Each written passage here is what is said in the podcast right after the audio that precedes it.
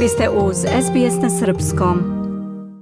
Slušate SBS radio na srpskom jeziku. Ekonomske posledice epidemije COVID-19 danas su udarna tema na domaćoj političkoj sceni. Naime, iz Savezne vlade upozoravaju da će australijska ekonomija doživeti težak pad od oko 50 milijardi dolara u junskom kvartalu.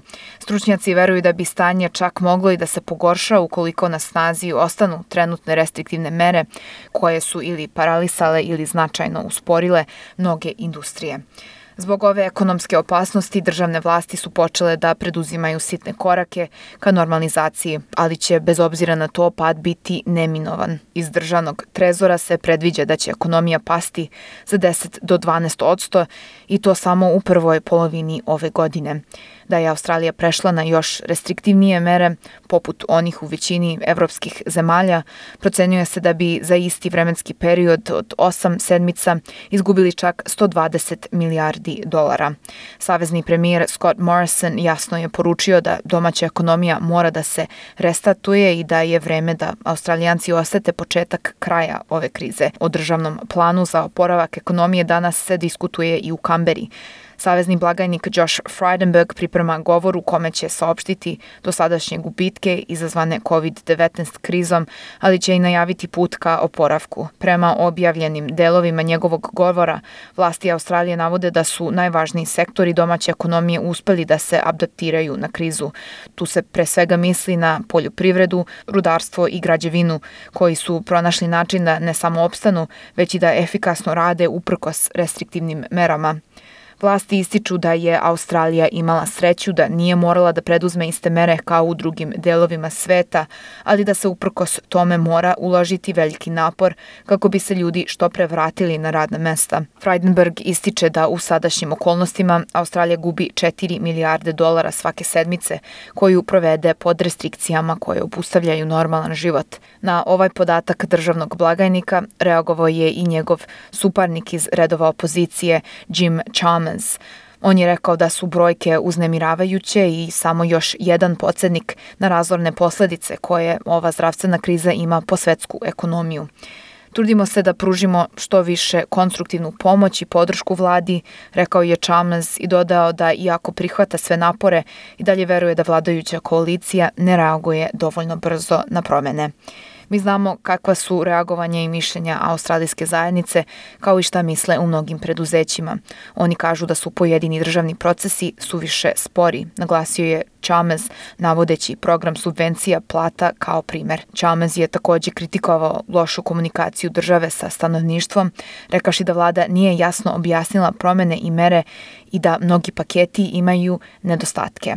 Ljudi koji ne ispunjavaju uslove za financijsku isplatu u programu čuvar radnih mesta, odnosno Job Cape-a, stavljaju pritisak na sektor koji pomaže nezaposlenima.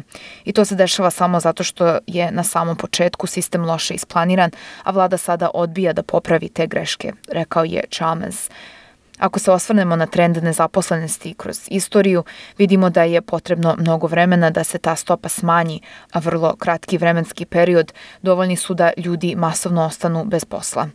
Državni trezor očekuje da će se stopa nezaposlenosti u Australiji udvostručiti do juna ove godine na 10% radno sposobne populacije. Na zabrinjavajuće brojke upozorio je i premijer Scott Morrison. There is now around 1.5 million, just over. Više od milion i po ljudi je trenutno na programu Job Seeka za tražioce posla. U 100% državnog trezora je da će stopa nezaposlenosti porasti na 10 od pa čak i više. Takođe za program čuvar radnih mesta prijavilo se više od 650.000 biznisa iz cele zemlje, a preko 950.000 pojedinaca predalo je zahtev za prevremeno podizanje novca iz penzionog fonda. To već sada iznosi više od 7 milijardi dolara koje će superfondovi isplatiti, istakao je Morrison. Koliko je loša situacija na berzi poslova svedoči podatak da se broj oglasa za zapošljavanje prepolovio u aprilu, što je rekordni pad u vremenskom okviru od mesec dana. Iako smatram da je Australija do sada uspešna kada je zdravstvo u pitanju i kada pogledamo reakciju na neočekivano velike ekonomske gubitke, naše predviđanje je da će situacija biti daleko lošija pre nego što vidimo prve znake poboljšanja, rekao je Frydenberg. Frydenberg je obraćanje ipak završio s porukom optimizma za budućnost zemlje. On ističe da ukoliko se pridržavamo vrednosti koje zastupa vladajuća koalicija, Australija će se brzo naći na putu kao poravku. Želimo da iskoristimo punu moć dinamičnih, inovativnih i otvorenih tržišta, kaže Frydenberg. To mora biti centralno u našem razmišljanju i privatni sektor mora da nastavi sa kreiranjem novih poslova, a ne vlada Australije. Ekspert za poreske procese Robert Browning sa Crawford škole pri Australijskom nacionalnom univerzitetu danas je zatražio da vlada Australije održi sastanak tokom kojeg će preispitati procese i zakone oporezivanja. Na taj način, kako smatra profesor, stanovništvo bi moglo da što pre otplati dugove i da se novac usmeri ka ekonomiji. Danas se sastaje i board banke državnih rezervi Australije, ali se očekuje da će kamatna stopa ostati na rekordno niskih 0,25 I kada već govorimo o australijskim političkim dešavanjima, državni tužilac Christian Porta objavio je danas nacrt zakona o privatnosti podataka pod nazivom Privacy Amendment Bill 2020. Zakonska uredba u stvari predstavlja amadman koji će štititi interese korisnika nove aplikacije za praćenje kontakata COVID Safe aplikacija. Kako se zvanično navodi, zakon će pojačati već postojeće nacrte iz 2015. o biobezbednosti i privatnosti. Prema izmenama zakona, prikupljanje, širenje i objava podataka sa COVID Safe aplikacije biće kriminalno delo, bez obzira na to za koju svrhu se čini izuzev praćenja kontakata zaraženih. Takođe biće nelegalno primoravati osobe da preuzmu aplikaciju da čuvaju ili prosleđuju podatke van Australije, a zakon će kažnjavati i one koji pokušaju da dešifruju aplikaciju. Maksimalna kazna će biti 5 godina zatvora i novčana globa u iznosu od 63.000 dolara.